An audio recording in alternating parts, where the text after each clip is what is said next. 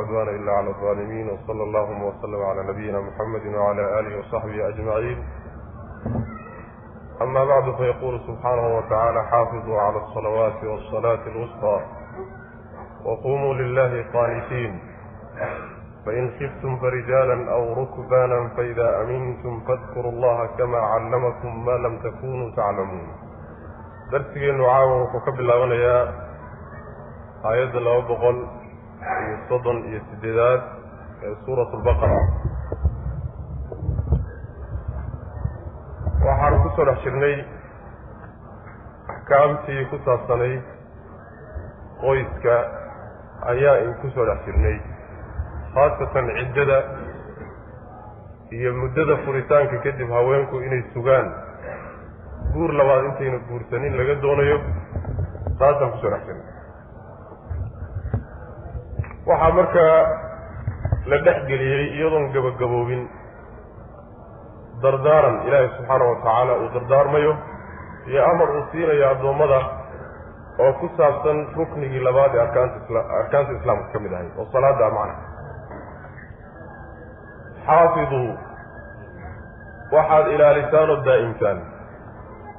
Cala asalawaati salaadaha dushooda xifdiya oo ilaaliya waasalaati salaadiina ilaaliya alwustaa ee u dhaxaysay ama ugu fiicnay wa quumuu istaaga lilaahi ilaahay isu taaga qaanisiina xaal aad tihiin kuwa alla subxaana wa tacaala adeecayo u khushuucsan fain khiftum haddii aada cabsataan wuxuuna haddaad ka cabsataan farijaalan fasalluu waxaad tukataan rijaalan xaalaad tihiin kuwa lugaynaya aw rukbaanan xaalaad tihiin kuwa wax saaran tukada faidaa aamintum haddaad aamin noqotaan oo cabsidii ay idinka baxdo nabadgelyo aada heshaan fadkuru llaha alla xusa kamaa callamakum siduu idiin baray oo kale maa lam takunuu taclamuuna waxaydan garanayn horay salaada sidii hore ee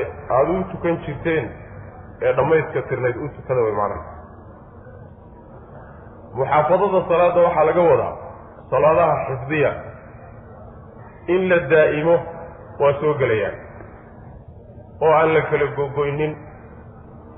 Qaabkii loo jideeyey in loola yimaadona waa soo gelayaan oo arkaantoodii iyo hay'aadkoodii iyo khushuucdoodii iyo wax alla wixii sharcigu u sheega o dhan in loola yimaado. Sidaa marka loola yimaadaa muxaafadadu imaanaysaa macna waxaa soo gelaya waktigoodii oo la ilaaliyo ayagii oo qaabkii nebigu salawaatullahi wasalaamu calayhi u jideeyey loo ilaaliyo sidaasaa macnaha waxa weye muxaafadada salaada laga wada. Salaadaha marka xifdiya leeyahy subxaana wa tacaala marar badan baynu soo marnay. Suuradda awalkeedana waa ku soo marnay dhexdana waa ku soo marnay dardaarankaasi mar walba waa inugu soo noqnoqon doonaa. Salaada ilaahi subxaana wa tacala addoommada u dardaarmay. Maxaa yeele waa miftaaxu lkhayr furo oo dhan yaani khayr oo dhan iyadaa furo ah haddii salaad ruuxa laga waayo khayr laawo wey wax khayr haba yaraatee mala ruuxas kadib salaadihii markii laysu wada dardaarmay iyagoo idil ayaa mid gooniya gaar loo xusay. Ihtimaam gooniyaa la siiyey salaada la yidhahdo salaatu lwustaa wustaada waxaa laga wadaa yacni min alwasat in laga keenay oo ay tahay midka ugu dhexaysa ta ugu dhexaysa inay tahay xagga tirada. Marka la yidhaahdo iyo inay tahay wustaada midda ugu fiican oo ugu fadli badan. Waa inagii soo marnay wakadalika jacalnaakum ummatan wasata wasadkaasi macnaha waxa weeyaan cuduulan waa inagii ku soo marnay marka salaada ugu fiican salaadahaas ee ugu dhaxaysa taasaa si gooniya haddana loo xusay oo weliba mi intaad kulligood wada xifdidaan ood ilaalisaan si gooniya haddana weliba waxaad u sii ilaalisaan ood u sii xifdidaan midda wustada la yidhaah salaadaasi marka maxay tahay sida raajixe culimmadu ay u badan yihiin axaadiista nebigana ku soo aroortay salawatullahi wasalaamu caleyhi saxaaxa ah waxa weeyaan waa salaada salaatu lcasri la yidhahdo wey salaada casarka salaatu lwustaa laga wadaa. Sidaasi waxay ku yimid xadiidka saxiixaynka iyo keyrkood ku yimid ee nebigeenu salawaatullahi wasalaamu caleyh dagaalkii axzaab maalintii intay salaada casarku dhaaftay isagoo macnaha dagaalka ku jira ayaa markaa kadib nebigu wuxuu uhi salawatullahi wasalaamu caleyh shaqaluuna can salaati can salaati alwusطى salaati alcasri mala'a allahu qubuurahum wa buyuutahum naara saasuu nabigu yihi salawatullahi wasalaamu calayh salaadii bay naga mashquuliyeen buu nabigu yihi salawatullahi wasalaamu calayh salaatulcas salaadii wusbada ahayd oo salaatulcasri bay naga mashquuliyeen guryahooda iyo qubuurtoodaba naar allah ka buuxiyey marka inay salaatulcasri tahay xadiidka iyo axaadiis kale uga markhaati ayaa kutusaya taasi waxa weeyaan waa qowlka xooga badan siddeed iyo toban qowl iyo ka badan oo mas'alada ku jiru qowlka ugu xoog badan yahay. Salaatulwusda xadiideeda laakiin qowlkaasaa macnaha u xoog badan xadiidkaasana kutusay si gooniya iyada waxaa loogu xusay waa labada salaadood waxay ka mid tahay nebigu ka dardaarmay salawatullahi wasalaamu caleyh si gooniya oo iyada iyo salaada subax. Man salla albardayni dakhala aljannata mid ka mida wey bardaynka macnaha oo salaada casarka kadib alla subxaana wa tacala wuxuui waquumuu lilahi qaanifiina waxay aayaddaasi ku soo degtay sida saxiixulbukhaari iyo keyrkii ku yimid. Yacni salaada waagii hore ayagoo salaada ku jiray dadku iska sheekaysan jireen. Sidaasay macnaha ahaan jireen. Sida xadiidka zayd ibnu arqam uu macnaha warinayo uu leeyahay hawsha naga dhaxaysa iyo barnaamijta naga dhaxaysa iyo acmaashanada ayaanu yani ku sheekaysan jirnay salaada dhexeeda anagoo ku ilaa ay soo degtay aayaddan qur'aanka waquumuu lilahi qaanitiin markaasaanu aamusnay. Macnaheedu waxa weeye salaada waxaan ayada jinsigeeda ahayn dhexdeeda in lagu sameeyo lama ogola ka daayo wey macna qaanitiinta qunuudka bimacna daaca waa la yidhaahdaa khushuuc waa la yidhaahdaa maca ducaa waa la yidhahda macaani badan buu ku yimaadaa. Laakiin sida xadiidkaasi hadda uu caddaynayo qunuudka waxaa laga wadaa. Salaada waxaan jinsigeeda ahayn inaadan dhexdeeda ku qabanin. Intaad salaada ku jirtaan inaad ka ilaalisaan wax alla waxaan jinsigeeda ahayn saas daraaddeed buu nabigu sal alay wasalam markuu cabdullahi ibnu mascuud uu salaamay isagoo salaada ku jira oo uu ka radin waayey. Gadaal dambe markuu u cudur daaranayay buu nabigu wuxuu ku yidhi inna fi salaati la shugla salaada waxa weeyaan shugli baa ku jira waa lagu mashquulaa waxa kaloo dhan baa lagaga mashquulaa macna. Kuma haboono waxaan iyada ahayn in dhexdeeda lagu sameeyahay ma haboono qunuudku marka sidaas. Ilaahay isu taagoo salaada u istaaga idinkoo qaanisiinoo alla u khushuucsan hadal iyo waxyaalo lagu iyo salaada waxaynu u baahnayna macnaha iska ilaalinay. Sidaa yeela baa la leehay subxana wa tacala haddii salaadii uu hagaajiyo layidhi oo sidii sharcigu ugu talagalay allah subxaana wa tacaala uu rabay u tukada layidhi xaalaad waxaa imaan karaya ayna suurtagal noqonaynin sidii la doonaya inaad u tukato oo masalan xaaladda cabsidu kugu timaadoo kaleeta cabsiduntaasi waa midda ama dagaal ama waxaad ka cabsanaysaa dugaag iyo macnaha waraabiyo waxbaad ka cabsanaysaa cabsi baa ku gashay salaadii haddaad ku masquushood ku sii jeesato oo sidii la rabay aada u tukatana waxaad ka cabsanba in lagu dafo. Ama dagaal baabaad ku jirtaayo fooddaa laysla galay seefaha laysla gaadho gacantaa laysula yimid xaaladaasoo kaleeto haddayna suurtagal ahayn sidii la rabay inaad ula timaadaan kolba sida idinku suurtagasho way marka. Fa rijaalan aw rukbaanan ama idinkoo lugaynay qiblada u sii jeesada ama ka sii jeesada ama idinkoo wax saaran oo macnaha waxa weeyaan dabaabaadka iyo waxyaalaha lagu dagaalgaliyo fardaha saaran ku tukada kolba sida idiin suurtagasho way macna. Waa xaaladda ay suurtagal noqon weydo salaada sideedii loogu talagalay inaad u tukataan oo idinku adkaata way macna xaaladaasi waxay tilmaamaysaa salaada wakti laga tegi kara inaysan jirin si walba haddii ay soo marto wakti lagu saamaxayo inaad ka tagtaa inaysan jirin allahuma caqliguba inuu kaa zuulo mooyaane. Hadduu caqligu kaa zuulo oo ama junuun ku zuulo ama hurdo ama halmaan taasi waxa weeyaan waa booskeeda wey cudurdaano laakiin si kaloo salaaday ku dhici karaysaa ma maadaama caqligu uu joogo macna. Allah subxaana wa tacaala markaa kadib baa wuxuu yihi haddii ay arrintaasi wadcigaa gooniya xaaladaas nabadgeliyo darrada ah haddii aad ka baxdaan oo ammaankii uu soo noqdo sidii aad salaada la idiin baray ee laydinku jideeyey u tukada macna waxay la macno tahay. Salaatulkhawf insha allahu tacala markaan suuratu nisaa ugu tagno markii axkaamta salaatulkhawfka laga hadlay kadib waxaa la yidhi faida dma'nantum faaqiimu salaata ina salaata kanat cala almu'miniina kitaaban mawquuta.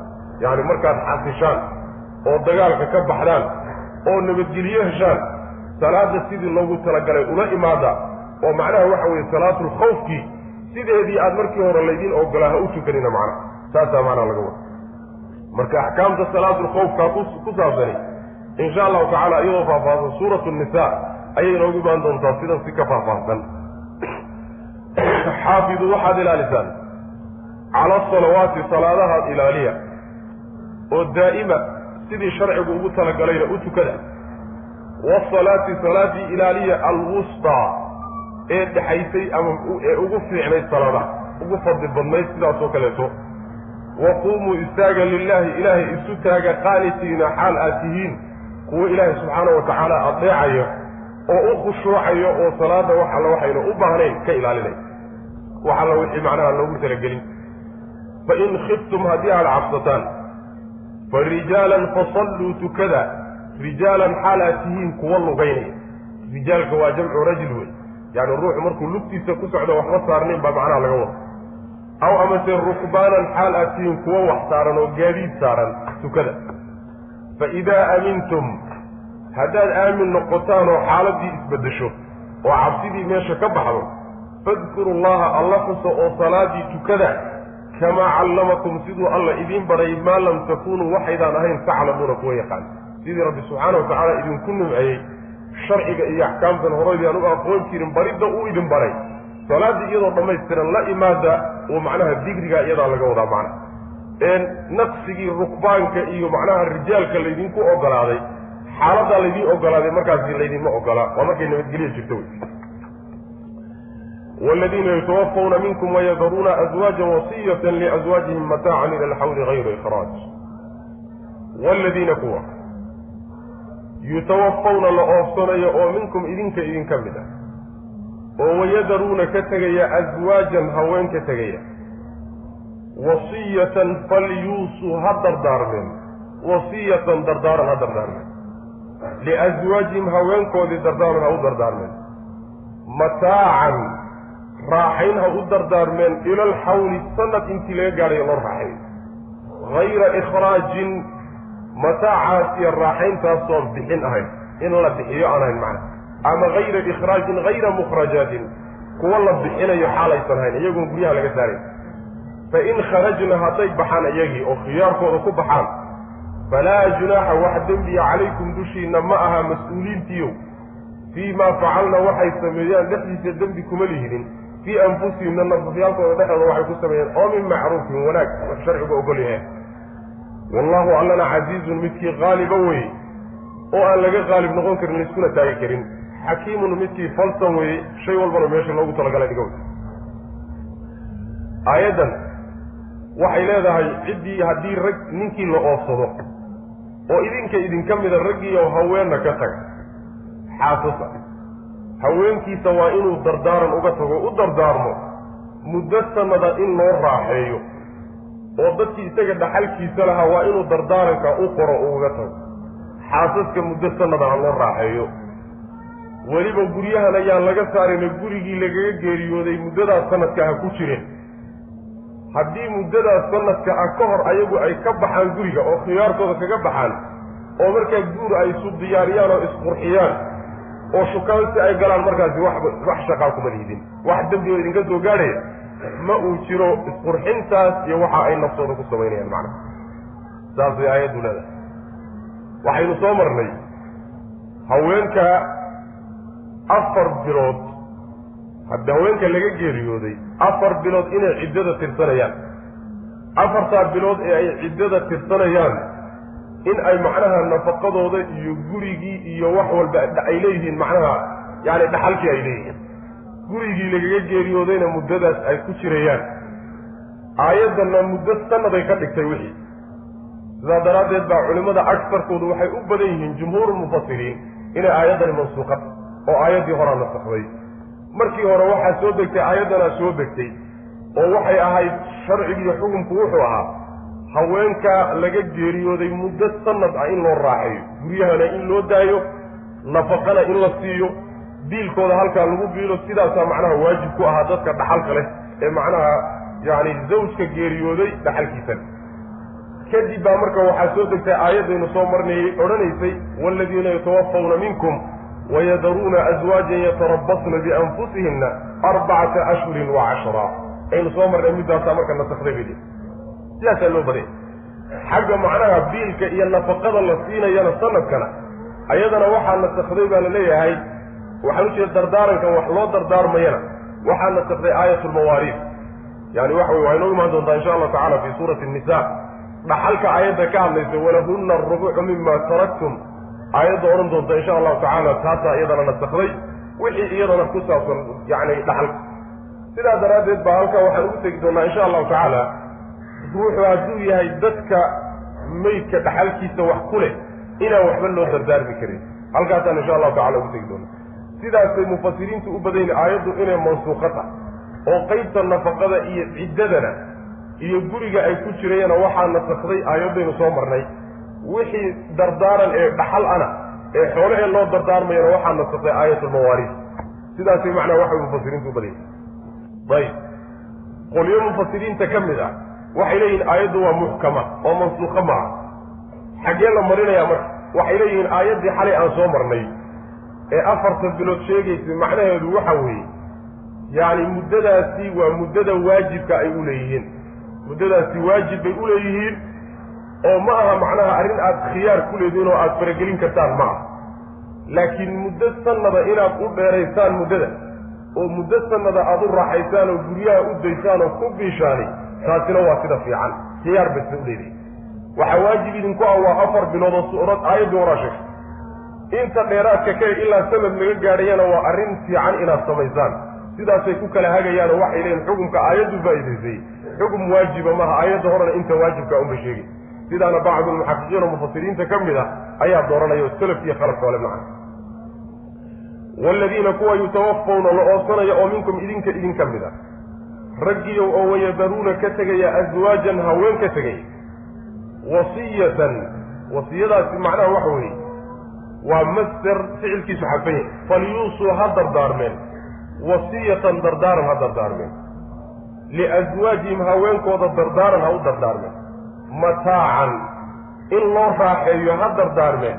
Ilalxawli muddo sanada intii laga gaadhay in loo raaxeeyo hayra ikhraajin ayagoon la bixinaynin oon guryaha laga saarayn xaalay yihiin kuwa aan la bixinayninoo muddadaa sanadka aan guryihii ay macnaha lagaga geeriyooday aan laga bixinaynin macnaha fa in kharajna haddii ay baxaan muddadii iyadoon gaadhin hadday iyagu guryihiiba ka baxaan oo guursadaan ama guurba isu diyaariyaan falaa junaaxa wax dembiya calaykum dushiinna ma ahaanin fii maa facalna waxay sameeyaan dhexdiisa dembi kuma lihidin fii anfusihinna nafafyaalkooda dhexdooda waxay ku sameeyaan oo min macruufin wanaag.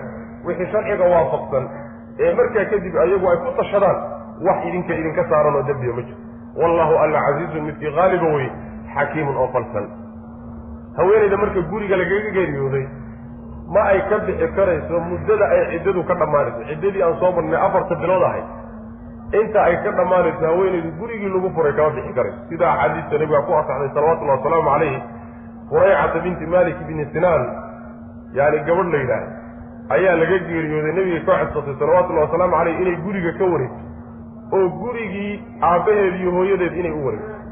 Nebigu waa u diiday salawatullahi markii hore waa u ogolaaday galaadaad dambe haddana waa u yeedhay maxaa tiri buu ku celi way ku celisay haddana nebigu waa u diiday salawatullahi waslamu caleyh ilaa muddada laga gaadhayo gurigaaga joog buu nabigu ku yihi salawatullahi waslamu caleyh sidaas wey marka alam tara ila aladiina kharajuu min diyaarihim wahum uluufun xadara almowti faqaala lahum allahu muutuu halkaa waxaynu kaga soo baxnay walilmuallaqaati walilmuallaqaati kulli kuwii la furay waxaa u sugnaaday mataacun raaxayn baa u sugnaaday bilmacruufi si wanaagsan loogu raaxeeyo xaqan xaqa daalika arrinkaasi waa sugnaaday xaqan sugnaasho cala almuttaqiina kuwa alla ka cabsanayo dushoodu arrinkaasi ay ku waajibto oo macnaha waxa way ku sugnaaday kadalika caddayntaasoo kale ayuu yubayinu llahu alla uga caddayn lakum idinka aayaatii aayaadkiisu idiin caddayn lacallakum tacqiluuna si aada wax u fahamtaan ood wax uga garataan. Macnaheedu waxa weeye waa aayaddii xalayta aan tilmaamaynay markaynu soo maraynay mutacda wamaticuuhunna cala almuusici qadaruhu cala almuqtiri qadaruhu markaynu soo maraynay aayaddan tadaata aayaddii aan tilmaamaynay mas'aladii khilaafiyada ahaa ayayna macnaha waxa weeyaan culimadii isku khilaafsaneen qayb ka mid a ay deliishanayaan u deliishanayaan aayadda macnaa aayaddu waxay leedahay haweenka la furay raaxayn bay leeyihiin raaxayntaas oo sida macruufkee la yaqaano ah sidaas in loogu raaxayo. Xaq wuxuu ku yahay oo arrinkaasi dusha ka saaran yahay dadka muttaqiintaabuu dusha ka saaran yahay mataaca maxaa laga wadaa marka? Mufasiriinta qaar ka mida waxay leeyihiin nafaqadii baa laga wadaa. Mudallaqaadku waxay leeyihiin nafaqay leeyihiin oo sukna iyo meel ay deganaadaan bay leeyihiin. Yacni waxa weye qolada rajciyaadka ee macnaha lagu noqon karo weeyaan qoladaasi mataacaasay leeyihiin mataaca marka nafaqada iyo biilkaasaa laga wadaa macnaha qolyana waxay leeyihiin may mataaca waxaa laga wadaa? Mutacadii aan soo marnay ee ahayd macnaha haweenayda meherkeeda marka la siiyo kadib waxoogaagii samirsiinta ahaydee tacsiyada ahaa ee dheeraadka ka ahaa meher waxoogaagaa in loo tuuro. Yaa mutacadan laga wadaa. Sidaa haddii la yidhaahdo dambe waa sida loo badan yahay. Waxay noqonaysaa marka haweenka oo dhan mudallaqaadkii la furay ama ha noqoto mid lala aqalgalay oo loo galmooday ama ha noqoto midaan lala aqalgelin oo loo galmoonin oo si aan xalay soo marnay ah. Kulligood inay mutacada leeyihiin sidaasi macnaha waxa weye marka aayaddu ay faa'idaynayso oo meherkoodii haddii la siiyo haddii ayna meher lahaynba laba goroba waxoogaa in la siiyo ziyaadaha oo macnaha qalbigooda lagu kabayo sidaasay marka aayaddu faa'idaynaysa macnahaasi ma waajibba mise waxa weye sunno weye oo ruuxa waajibkuma aha meherka mooy wax kale waajibkuma aha. yani waxaa la muujinayaa oo macnaha culimada qaar ka mida ay leeyihiin waa xugum waajibo waa xugum waajib ah. tafaasiisheeda xalan soo marnay in saddex qowl ay ku jiraan taqriiban aayaddan marka waxaa daliishanaya culimada odhanaya haweenka la furay oo dhan baa xaqaa iskale shakina kuma jiro inay fiican tahay ooy wanaagsan tahay. Haweenayda waxoogaagaas in la siiyo inay fiican tahay shaki kuma jiro. Ee ma waajiba mise waajib ma aha. Masalada la isku haya middaa iyada walilmudallaqaati kuwa la furay waxaa u sugnaaday. Mataacun raaxayn baa u sugnaatay loo raaxeeyo bilmacruufi wanaagga la yaqaane sharcigu yaqaano in loogu raaxayo.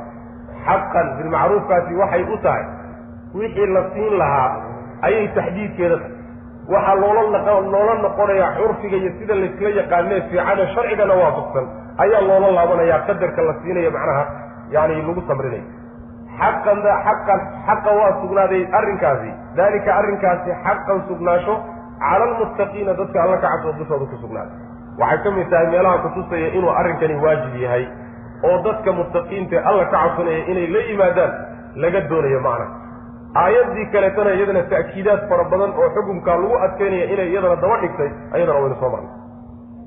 Kadalika sidaasoo kale caddayntaasoo kale axkaamta laydin soo caddeeyey ayuu yubayinu llahu alla uu caddayni lakum idinka aayaatihi aayaadkiisa ayuu idiin caddayn. Lacallakum tacqiluuna si aad u caqli yeelataano aada u fahantaan aayaadka rabbi markaa kadibna aada u qaadataan oo aada noloshiina ugu dabaqdaan macna alam tara ila aladiina kharajuu min diyaarihim wahum uluufun xadara almowti faqaala lahum allahu muutuu uma axyaahum ina allaha laduu fadlin cala annaasi walaakina akara annaasi laa yashkuruun axkaamtii ku saabsanayd qoyska ayaa halkaa ku soo gabagabowday halka waxaa laga gudagelayaa oo ilaa darsigu ku gebagaboobo laga hadli doonaa laba qiso oo reer banu israa'iil ku saabsan ummadihii naga horreeya labada qisoba ujeeddada laga leeyahay waa hal mid. Oo labadoodaba waxaa loo qisaysanayaa oo meesha loo keenayaa in ummadda islaamka lagu dhiirigeliyo oo lagu booriyo loona tilmaamo nataa'ijta fiican ee uu leeyahay jihaadka iyo ilaahay dartiis subxaana wa tacala u loo dagaalamo. Miisaallo noocaas oo kalea la bixinaya alam tara soo ma ad soo ma ogid oo maada ku baraarugin ila aladiina kuwii kharajuu baxay min diyaarihim guryahooda ka baxay ma ku baraarugtay kuwaas walxaal hum iyagu uluufun ay kumanyaal yihiin. Guryahoodii bay ka baxeen ayagoo kumanyaal ah. Xadara almowti geeri ka cabsigeed digtooni ay geeri ka qabaan darteed ayay guryahooda uga baxeen iyo deegaankoodii. Fa qaala lahum markaasaa wuxuu ku yidhi allahu allah wuxuu ku yidhi muutuu geeriyooda. Markay baxeen ba ilaahay baa subxaana wa tacaala qadihiisa iyuu dusha ka saaray oo inay geeriyoodaan ayuu ku xugmiyey uma fa maatuu way geeriyoodeen. Uma markaa kadibna axyaahum allah soo noolay. Ina allaha alle laduu fadlin dheeraad siin midkii uu saaxiiba wey cala nnaasi dadka dushooda la dheeraad siiyo. Walaakina akara annaasi dadka badankiisa laa yashkuruuna ma mahadnaqaano rabbi subxaana wa tacaala fadligiisaas mahad uguma celiyaan. Waxay ahaayeen baa la leeyahay nimankani. Yacni niman ummadihii hora. Waa qiso cajiiba wey oo reer banu israa'iil ka dhacday. Deegaan bay deganaayeen deegaankii ay deganaayeen baa markaa yacni waxbay ka carareen. Aayaddu maysan tilmaamin waxa ay ka carareen. Asbaabta geerida keenta mid ka mid a unbay ka carareen oo ka guureen oo ku qasabtay inay magaaladii deganaayeen iyo deegaankoodii ay ka rartaan ayagoo geeri ka cararay. Sababkaasi mufasiriinta qaar ka mida waxay leeyihiin daacuun buu ahaa oo daacuun baa intuu magaalada ku dhacay bay sidaa daraaddeed ugaga guureen. Cadow buu noqon karaa oo cadowka cabsigiibay ka carareen. Adiga waxa weye xadar almowtun baa aayaddu tiri. Nas nabiga ka sugan salawatullahi wasalaamu calayhi oo tilmaamaya geeridaasi sababkii keenayana ma jiro laakiin mufasiriinta salafku waxbay sheeg sheegeen. Markay qaxeen oo magaaladii ay ka qaxeen ayaa geeridii ay ka cararayeen buuba rabbi subxaana watacaala dusha ka saaray. Way geeriyoodeen kulligiin geeriyooda oo dhinta buu rabbi ku yidhi subxaana watacaala waana geeriyoodeen. Markay geeriyoodeen kadibna rabbi baa soo nooleeyey subxaana wa tacaala. Waxay qaarkood leeyihiin muddo markay geeri ahaayeen ayaa waxaa soo maray nebi ilaahay ambiyadiisa ka mida markaasuu ilaahay baryey inuu nooleeyo. Sidaasuu ku soo nooleeyey. Laakiin aayaddu ma tilmaamin. Inuu ilaahay soo nooleeyey unbay macnaha waxway sheegtay. Allah soo nooleeyey subxaana wa tacaala qolyahaasi warkoodii ma ku soo gaadhayo ma ku baraarugtay baa nabiga lagu leeyahy salawatullahi wasalaamu aleyh iyo cid walba walba wax maqli karta macnaha marka alam tara yacni ra'aadaasi alru'ya alqalbiya laga wadaa yacni ra'aadaa mar waxaa loo isticmaalaa ogaansho oo qalbiga aragtida ka dhacda. Marna waxaa loo isticmaalaa alru'ya albasariya oo indhaha aragtida ka dhacda. Labadaba waa loo isticmaalaa mufasiriinta marka waxay leeyihiin ru'yadani waa ru'yada qalbigo. Weliba yacni alam taradaasi alam tatanabbah miyaadan ku baraarugin macnihiisoo macnaheedii oo kalea la dhex geliyey. Ilaada ay ku gudubtee ka dambaysaana kutusaysay leey. Yacni soo maadan ogaanin oo maadan ku baraarugin kooxda ee cajiibka ahayd macna marka waxay aayaddu tilmaamaysaa geeri inaan meele lagaga fakanayn ujeeda yacni digtooni kastiiyo taxadar walba haddaad qaado marnaba inaydaan geeriya adigu isa seegaynin taasay aayaddu tilmaamaysa mar hadday sidaa tahay dagaalkii baa la daba dhigi doonaa iyo amarkiisii maxaad dagaalka uga cararaysaan marka? Oo fulinimada idinku wacan. Kolley kolley waad geeriyoodaysaan meel ka soo tagtaan bay macna waxaa kaleeto aayaddu ay kutusaysaa waxay ka mid tahay qisooyin dhowr ah oon tilmaannay inay suuradda dhexdeeda ku imaan doonaan.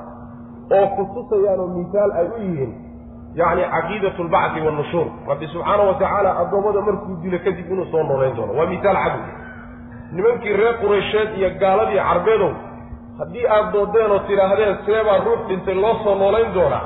Bal qisadan dhegaysta dad geeriyooday buu ilaahi wa tacala dib soo celiyey. Waa nagii soo marnay sidoo kaleeto yani waxa weeyaan yani baqaradii. Markaynu soo marinay qisadeeda iyadana macnaha ruux la soo nooliyaynu soo marnay. Wahaa kale. Jaarikaana iyadana bilaadadaasay kale. Alam tara soo ma ogid nebi maxamedow salawatullahi wasalaamu calayhi oo maadan ku baraarugin ila aladiina kuwii kharajuu baxay min diyaarihim guryahoodii iyo deegaankoodiibay ka baxeen. Walxaal hum iyagu uluufun kumanyaal ay yihiin xadaran mawti geeri ka digtoonideed iyo ka cabsigeed ayay uga baxeen. Ayagoo geeri ka cararay fa qaala lahum markaasaa wuxuu ku yidhi allahu allah wuxuu ku yidhi muutuu geeriyooda.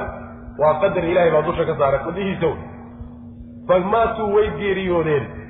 Uma markaa kadibna axyaahum alla soo noolay ina allaha alla laduu fadlin. Midkii dheeraadsiinu saaxiiba wey cala nnaasi dadka dushiisa markuu dilay kadib dheeraadka uu innaga iyo dadka qisada loo sheegaya ina siiyeyna waxa weeye waa waanada iyo cibrada iyo waana qaadashada inoogu sugan weeye qisadooda laynoo soo tabinaya dheeraadsiin midkii uu saaxiiba weeye addoommada iyo dadka la dheeraad siiyo. Walaakina aktara annaasi dadka badankoodse laa yashkuruuna ma ay ku shukrinayaan ilaahi subxaana wa tacaala fadligiisa iyo nicmada weyn ee rabbi uu bixiyey subxaana wa tacala intooda badan waxay u badan yihiin dadku inay macnaha nicmada rabbi ku gaaloobaan oo aysan xusuusaninba iskaba halmaamaan. Sidaasay dadku u badan yihiin macnaha. Waqaatiluu fii sabiili illahi waclamuu ana allaha samiicun caliim. Waqaatiluu dagaalama waxay ku cadfan tahay baa la leeyahay ushkuruu fadlahu. Maadaama ilaahay fadli uu idin siiyey dheeraadkaa iyo nicmadiisa ku shukriya. Oo waqaatiluu dagaalama fii sabiili illahi jidka ilahay ku dagaalama ilahay dartii u dagaalama. Oo waclamuu waxaad ogaataan ana allaha alla samiicun midkii maqlayay inuu yahay hadallada waxbana ka qarsoomay. Caliimun inuu yahay midkii ogsoon wax walba wax ka qarsoonna uusan jirin. Sidaa ogaada. Man kee wey daa midkaasi waa kee. Alladii kaasoo yuqridu allaha alla amaahinaya qardan amaah amaahinaya ruuxa diyaar waa inuu ilaahay amaah siiyo. Waa kuma. Amaahdaasoo xasanan wanaagsan oo fa yudaacifahu alla uu u laalaabaa lahu isaga uu u laalaabaa. Ruuxa ilaahay amaah siiya oo amaahdiisa uu u laalaabaa adcaafan laalaabid kasiiran oo fara badani kasiiratan oo fara badani waa kuma. Kaasi kuma weeyaan buu alla leeyahy subxana wa tacaala. Wallaahu allaana yaqbidu cidhiidhiyo nolosha wax walba isagaa cidhiidhiya wayabsutu isagaa fidiya oo waasiciya wa ilayhi xaggiisaana turjacuuna laydiin celin. Macnaheedu waxa weeye maadaama geeri lama huraan ay tahay oo haddaad dib isu daahiso iyo haddii kaleba geeri ay kugu imaan sababkeenaba sababkeenaba maadaama geeri ay laga maarmaan tahay oo qoladii geeri ka carartayba meeshay u carareen geeri ay ku doonteen oo lugahoodaba geeridii ay ku raadsadeen ayagoo geeri ka carara leh mar hadday geeri aan laga fakanaynin dagaalka ilaahay daraaddii u dagaalama oo nafta meel qaaliya ku bixiya.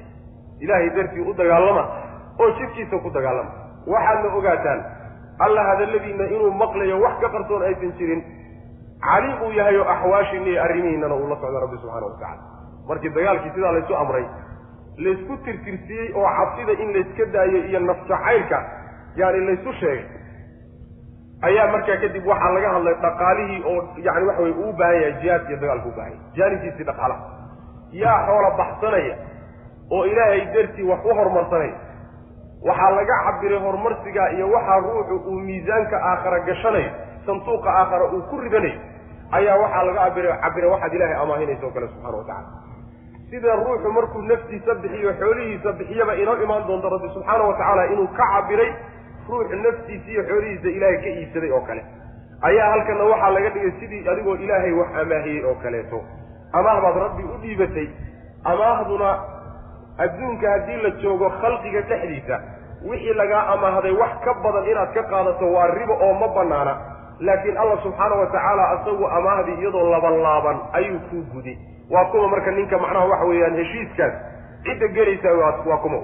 Yaa gelaya oo diyaar u abu alla subxana wa tacala waa heshiis aada u caji badan wey darafka heshiiska lala gelayahay waa allah subxaana wa tacaala kownkan oo dhan abuuray wey cidda aada amaahinayso rabbi subxaana wa tacaala uma baahna waxba uba uma baahna oo idinka idiinma baahna xoolihiinana uma baahna.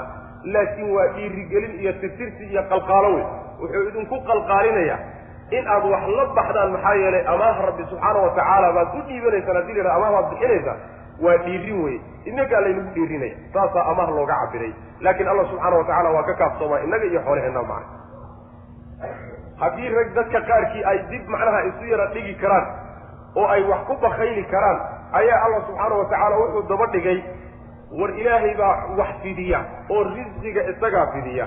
Isagaana cidhiidhiye ciddii risqiga lagu cidhiidhiyeyna isagaa cidhiidhiyey isagii baa idinla wax amaahiya oo wax la baxe wax la baxa oo ha bakaylina macna.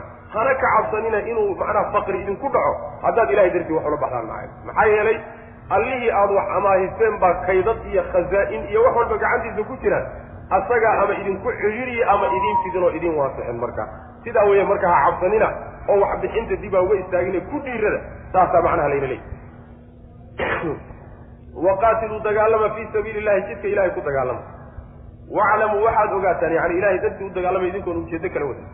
Waclamuu waxaad ogaataan ana allaha alla samiicun midkii maqle inuu yahay caliimun oo wax walbo mankee weeye daakaas alladii kaasoo yuqridu allaha alla amaahinaya qardan amaah xasanan oo wanaagsan. Amaahda wanaagsan waa midda sharciga waafaqsan yani shaygii markiisii hore xalaal buu kugu soo galay xaaraam kuguma soo gelin kadibna meesha aad ku bixisay waa meel sharcigu waafaqsan yahay oo sharcigu ogolay. Qardigu xasan markaasuu noqon karaa. Wuxuuna xasan noqon karaynin markiisa horuba xaaraam ahaa ama xalaal buu kugu soo galay laakiin markiisa dambaad meel xun ku bixisay labadooda labada goorba qardi macnaha waxa weye xasana maa fa yudaacif kuma weye midka ilaahay amaah wanaagsan amaahiy oo fa yudaacifahu uu u laalaabaa alle lahu isaga uu laalaabaa adcaafan laalaabid kasiiratan oo fara badan. Yacni gud gudidii amaahda uu gudayey ayuu alla u labanlaabaya subxaana wa tacala maxaa yeelay xasanadu markii hala labanlaabo la yidhahda halkii xasano ugu yaraan toban goor buu alla labanlaabay subxaana wa tacala haddii kaleeto wuxuu labanlaabayaa toddoba boqol iyo ka badan iyo acdaad in ilalah ogeyay subxana wa tacala waa inoo imaan doontaa. Yani waxa weeyaan markii qeybta dhaqaale ee aayaddu ay ka hadli doonto aan gaadhno ayaa macnaha inoo imaan doontaa rabbi subxaana wa tacaala qaabka uu u labanlaabayo intuu labanlaabayo sadaqadee wanaagsan ee lala bao wallahu alla yaqbidu wuu xidhiidhiyaa wa yabsutu wuu fidiyaa cidduu doono ayuu wax u fidiyaa cidduu doonana waa ku xidhiidhiyaa oo maamulkiisa ee gacantiisa ku jirta isagaa wax dabana wa ilayhi xaggiisaana turjacuuna laydin celin doonaa oo xoolahan aad ku bakaylaysaan aad ku madax adag tihiin waad ka guuri doontaanoo xagga rabbi baad u noqon doontaan subxaana wa tacala intaasoo dhan baa la isdaba dhigay. Taasi marka waxay kutusaysaa ruuxa muslimkaa inuu ku dadaalo wuxuu horumarsan lahaa. Taas inuu siiyo macnaha waxa weeye yacni xus xusitaanka hore inuu siiyo ahmiyadda koobaad inuu aakhiradiisa siiyo iyo wixii sanduuqa aakhara u gashan laha inay yaraato waxa aakhar adduunka uu ku reebanayo ee uu kayd adduunye ka dhaganayo taasi inay yaraato ayaa la doonaya macna. Alam tara ila almala'i min bani israa'iila min bacdi muusa id qaaluu linabiyin lahum ibcas lana malikan nuqaatil fii sabiili illah waa miisaal kale oo asaguna kutusaya tirtirsiga laysku tirtirsiyo. Qitaalka ilaahay dartiis subxaana wa tacaala loo galay iyo diintiisa difaaca loo galayo macna oo isagana miisaale reer banu israiil baa isagana laga soo guurinaya oo allah subxaana wa tacaala uu inooga soo tabinaya macna alam tara soo ma ogid nebiyow oo maadan ku baraarugin ila almala'i kooxdii ashraaftii oo min bani israa'iila reer bani israa'iil ka mid ahaa. Min bacdi muusa kuwaasoo muuse nabiyullaahi muusa gadaashiisa ahaa. Mala-a waxaa la yidhahdaa ashraafta la yidhahdaa madaxyaweyn qolada bulshada maamusha ee inta badan hagta. Qoladaasaa iyo mala-a la yidhahda qoladii reer banu mala-ii reer banu israa'iil ka mid ahaa ee nabiyullaahi muusa markuu geeriyooday ka dambeeyey kuwaasi warkoodu ma ku soo gaadho maog id wakti qaala qaaluu ay yidhaahdeen linabiyin nebi ay ku yidhaahdeen nebigaasoo lahum iyaga u sugnaaday nebi iyaga loo soo diray. Markay ku yidhaahdeen ibcas lanaa noo soo saar melikan hogaamiye noo soo saar nin boqoroo hogaamiyaa noo soo saar oo noo magacow. Nuqaatil aan dagaalanay fii sabiili illahi jidka ilahi aan ku dagaalanay nin dagaalkana hogaamiya oo na dagaal geliyo noo soo bixi. Aanu ilaahay jidkiisa ku dagaalgalnay. Qaala wuxuu yihi nabiyullaahi nabi wuxuu yidhi nebigii wuxuu ku yidhi hal casaytum ma sigaysaanoo ma ku dhowdihiin in kutiba haddii la waajibiyo calaykum dushiina alqitaalu dagaalkii haddii lagu waajibiyo allaa tuqaatiluu inaydaan dagaalamin. Soo suurtagal ma. Taas ma sigaysaanoo ma ku dhowdihiin oo ma laga yaabaa inaad dagaalami weydaan haddii dagaalka laydinku waajibiyo qaaluu waxay idhahdeen wamaa lanaa oo maxaa noo sugnaaday? Allaa nuqaatila oo aanaan u dagaalamaynin fii sabiili illahi jidka ilahi aanaan ugu dagaalamayn maxaa naga noo diidaya inaanu jidka ilaahay ku dagaalanno? Walxaal qad ukhrijnaa iyadoo nalaga bixiyey min diyaarina guryahanagii iyo deegaankanagii nalaga saaray. Iyo wa abnaa'inaa carruurtanadii nalaga bixiyo nalaga qabsaday. Iyadoo arrinkaasi uu jiro oo wax maanta dagaal lagu qasbaayo uu joogo oo waxba una gacantanada ku jirin oo nalaga wada qaatay maxaanu dagaalami laana haddii ilaahay dagaal lagu waajibiyo. Falamaa kutiba markii la waajibiyey calayhim dushooda alqitaalu dagaalkii markii lagu waajibiyey ayay tawallow jeedsadeen oo dagaalkii diideen ilaa qaliilan wax yar oo minhum ayaga ka mida mooyaane. Wallahu allana caliimun kii og weeye bidaalimiina kuwaasi gar daran ilahay waa ogyahay subxana wa tacala kuwa gar daran rabbi waa ogyahay kuwaasi ay ka mid yihiin. Qisadu waxa weeye si duuduuban bay aayaddu u sheegtay aayadaha ka dambeeyana way faahfaahinayaan. Mala-a sidaynu sheegnayba waxaa la yidhahdaa qolada ama maamulka ka agno ama dhaqaalaha ku muuqda ama ra'yiga iyo talada leh ee bulshada hogaamiyay inta badan yacni uu talada bulshadu ay ka go'do ayaa mala-a la yidhahdaa nimankii reer banu israa'iil ee mala-a ahaa kuwaasi warkoodu ma ku soo gaadhay taariikhday ahaydna waxay ahayd nebiyullaahi muusa markuu geeriyooday kadib bay ahayd. Bacda nebiyullaahi muusa ayay ahayd ayay qisadu dhacday macna qoladaasi warkoodu wuxuu ahaa nebi ilaahay ambiyadiisa ka mid a oo markaa ayaga loo soo diray oo la joogay ayaa waxay ka codsadeen in boqor loo soo saaro. Melika waxay ka wadaan hogaamiyaha dagaalka yacni maydaaniga ee ciidamada dagaal geliya. Ninkaasay ka wadaan. Ninna dagaal geliyo oo dagaalka yaqaano oo noocaasa noo magacow oo xagga rabbi nooga keeno ninkaasaa idiin adhe macna. Sidaasay ku yidhahdeen waxaa la leeyahay reer banu israa'iil laba qoys bay ahaayeen. Laba qoys baa macnaha hoggaankooda hayay qoys wuxuu ahaa qoyska talada iyo maamulka iyo hoggaanka dagaalada iyo dhankaasu macnaha mulugtaa ka imaan jira qoysna waxaa ka yimaada nebiyadaa ilahay ka soo saari jiray subxaana wa tacaala. Marka waxay leeyihiin muluugtoodii baa baaba'day. Siday macnaha waxa weeyaan isu leynayeen ama aqwaam kale iyo ummado kaleeta u dagaalamayeen ayaa muluugtoodii baa tirtirantay. Muluugtii hadday baaba'dayna meli kaleeto nooma samee oo nin kaloo hogaamiye ah noo magacow bay ku yidhahdeen nebigoodii macnaha nebigii markay sidaa ku yidhahdeen waxay u doonayaan hogaamiyahana waxa weeye inay dagaalamaan dagaalkana waxaa ku bixinaya horay baa waxaa looga qabsaday dad kala intay ku soo duuleen. Ayaa waxaa laga qabsaday waddankoodii iyo carruurtoodii iyo hantidoodii oo dhan baa lala wareegay qaxooti wey marka qaxda wey meel bay degan yihiino dhulkoodii oo dhanna waa laga qabsaday macna. Sidaasay marka u codsanayaan inay dagaalamaano dagaal difaaciyo isku difaacayaan inay galaan bay doonayaan macna marka ninkiina hogaamin laha noo magacaw bay dhah waxoogaa marka nebigu waxaa wuxuu ka dareemay inaysan niman go'aan le ahayn. Markaasaa wuxuu ku yidhi ma ku dhowdihiinoo ma sigaysaan? Haddii dagaal laydinku waajibiyo inaad dagaalami weydaan ma laga yaaba markaasay u ta'kiidiyeenoo waxay yidhahdeen oo maxaanu u dagaalami lanahay annagoo guryahanagi iyo carruurtanadiiba gacanta lagu yacni dad kale ay haystaan oo gacanta lagu hayo maxaa noo diidaya inaan dagaalana ku yidhahda maxaan u dagaalami lana sidaasay yidhahdeen. Ilaahay subxaana wa tacaala marka dagaalkiibuu ku waajibiyey inay waddankii dib u qabsadaan oo carruurtii iyo hantidii laga qabsaday dib ay u soo ceshadaan dagaalkaasaa lagu waajibiyey. Goortii lagu waajibiyeyna nebigu wuxuu ka cabsanaya baa dhacdayo wax yar mooyaane intoodii kaleba waaba carreen yaani dagaalkii waa diideen inay dagaalamaano waa fulayoobeen. Faahfaahinta qisada siday u fulayoobeen iyo siday u kala hadheenna waa aayaadka dambe insha allahu tacala alam tara sooma ogid nebiow ila almala'i kooxdii ila almala'i ashraaftii iyo madaxyaweyntii oo min bani israa'iila reer bani israa'iil ka mid. Min bacdi muusa kuwaasoo kaa'iniina ahaaday min bacdi muusa nabiyullaahi muusa gadaashiisa id wakti miyaad og tahay miyaad og tahay id wakti miyaadan ogaanin? Qaaluu ay yidhaahdeen linabiyi nebi ay ku yidhaahdeen nebigaasoo lahum iyaga u sugnaaday oo iyaga loo soo diray. Ibcas bixi. Lanaa annaga noo bixiyo noo soo saar melikan hogaamiye noo soo saar. Macnaha noo magacow bulshada dhexdeeda nin hogaamiye a nooga magacow nuqaatil aan dagaalanne fii sabiili illahi jidka ilahi aan ku dagaalanne waxay tilmaamaysaa yacni in dagaal haddii la gelayo hoggaanku uu lagama maarmaanya oo hoggaan la'aan aan la dagaalami karin sidaasay macnaha ku tusaysa maxaa yeelay hoggaan la'aan waa qorsho la'aan. Fawda wey fawdana dagaal laguma geli karin. Sidaa daraaddeed hoggaanku xadduu dooniba ha la ekaadee xataa waxa weeyaan saddex nin hadday dagaal gelayaan laabudda min macnaha qaay. Hogaamiye waa looga maarmaan. Saasay macnaha aayaddu ishaaraysa waana ilaahi subxaana wa tacaala sunno macnaha waxa weeyaan addoommadiisa xataa waxa weeyaan diiniyan adyaanta samaawiga mehe caqligooda xataa rabbi subxaana wa tacaala fidrahaan uu ku abuuray qaala wuxuu yihi hal casaytum casaadaasi waa si afcaalu lmuqaaraba la yidhaahdaayo. Bimacnaa qaarabtum wey wakidtum.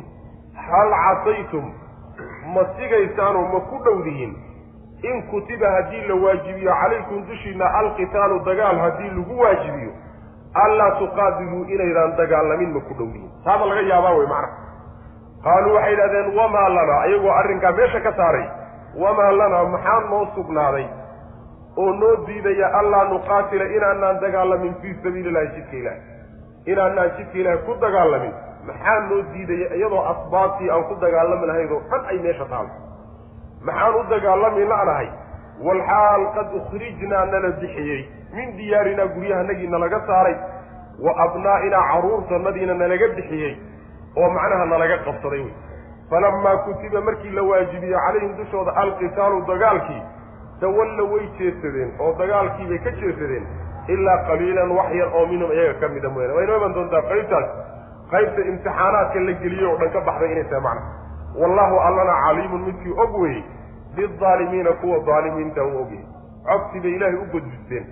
Codsigii goortii laga ogolaadayna way dabamarteeyeen. Daalimiin wey marka ilaahay subxaana wa tacaala yacni waxa weeye khilaafay amarkiisii khilaafay wa qaala lahum nabiyuhum ina allaha qad bacata lakum taaluuta melika sidii ay uga jeedsadeen iyo macnaha waxa weeyaan boqorkii iyo hogaamiyihii loo magacaabay siduu ahaa ayaa macnaha waxa weeyaan laynoo sheegi doona wa qaala lahum wuxuu ku yidhi nabiyuhum nebigoodii wuxuu ku yidhi nebigaasi aayaddu ay sheegayso mufasiriintu midba macna mid bay ku sheegaan laakiin nusuusta mayna tilmaamin qola waxay leeyihiin yacni waxa weye shamcawiil mid la yidhaahdo ayay ku sheegayaan.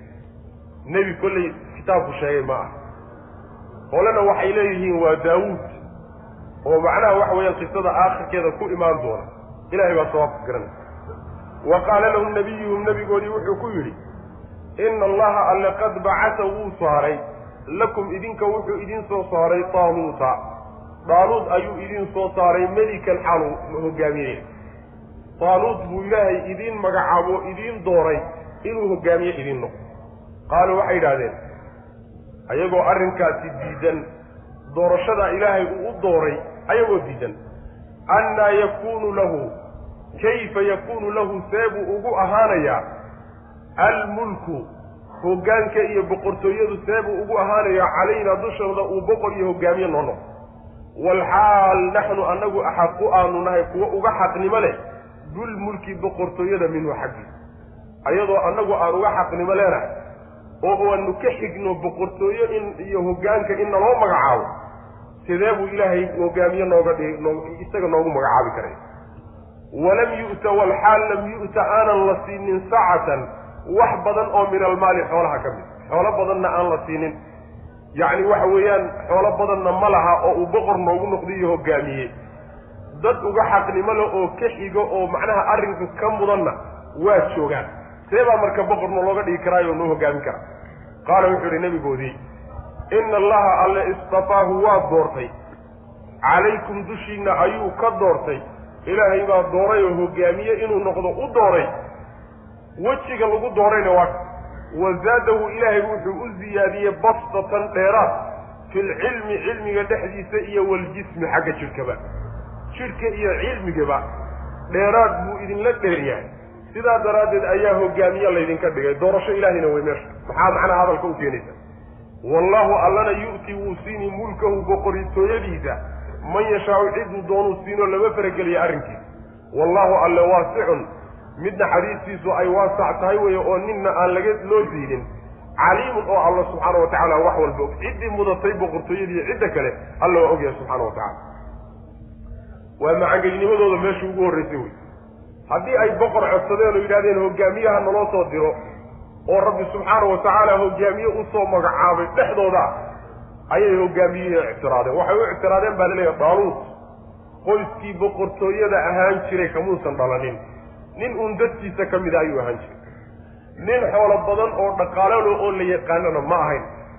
Sidaa daraaddeed bay marka ku bushiyeen oo waxay yidhaahdeen yaani nooma noqon karo boqor hogaamiye nooma noqon karayo. Maxaa yeelay qoyskii arrinkan lahaan jiray lagu yaqaanayna muusan ka dhalanin xoolo hadda uu leeyahay oonu ku dooranoon meesha ku geyno oo sharafkeenana ma uu laha see baa marka boqornoo looga dhigayaa macna.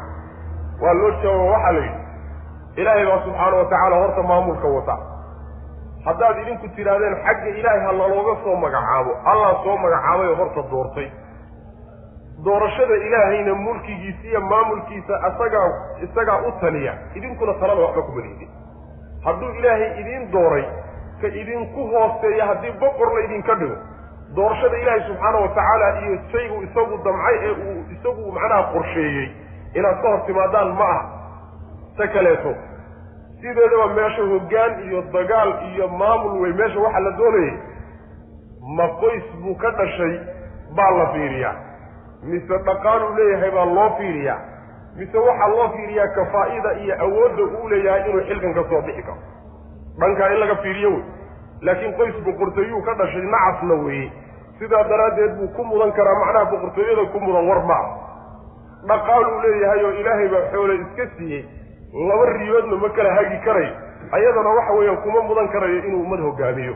Laakiin hoggaanka waxaa lagu mutaa cilmi ama cilmi adduunyo ama mid macnaha waxa weye aakhira ha noqdo. Cilmi horta ruuxa inuu leeyahay ta labaadna inuu jismi leeyaho awood jidh uu u leeyahay dagaalka iyo muwaajahada uu gelayana wuxuu u baahan yahay jidhkiisu inuu xoog badan yahay. Waa inuu xoog leeyahay hogaamiyaha dagaalku saasuu u baahan. Yahay labadaas oo uu labadaba idinla dheeriya. Ilaahay hogaamiye uga dhigay subxaanahu wa tacaala. Waxaa marka la tilmaamaya labada shardi ee wax lagu hogaamiyahay ee dadka maamulka iyo maaraynta lagu doortahay waxa weeyaan ruuxu kafaa'ada iyo awoodda uu leeyahay xilkan inuu ka soo bixi karay.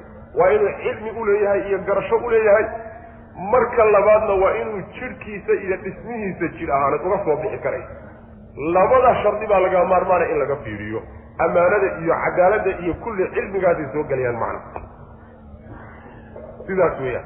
Marka ilaahi subxaana wa tacaala sidaasuu macnaha nebigii nebigii ilaahay saasuu ugu jawaabay. Wa qaala lahum wuxuu ku yidhi nebiyuhum nebigoodii wuxuu ku yidhi ina allaha alle qad bacasa wuu diray. Lakum idinka wuxuu idiin soo diray taaluuta taaluut buu idiin soo diray melikan xaaluu hogaamiyey qaaluu waxay dhaheen annaa yakuunu kayfa yakuunu?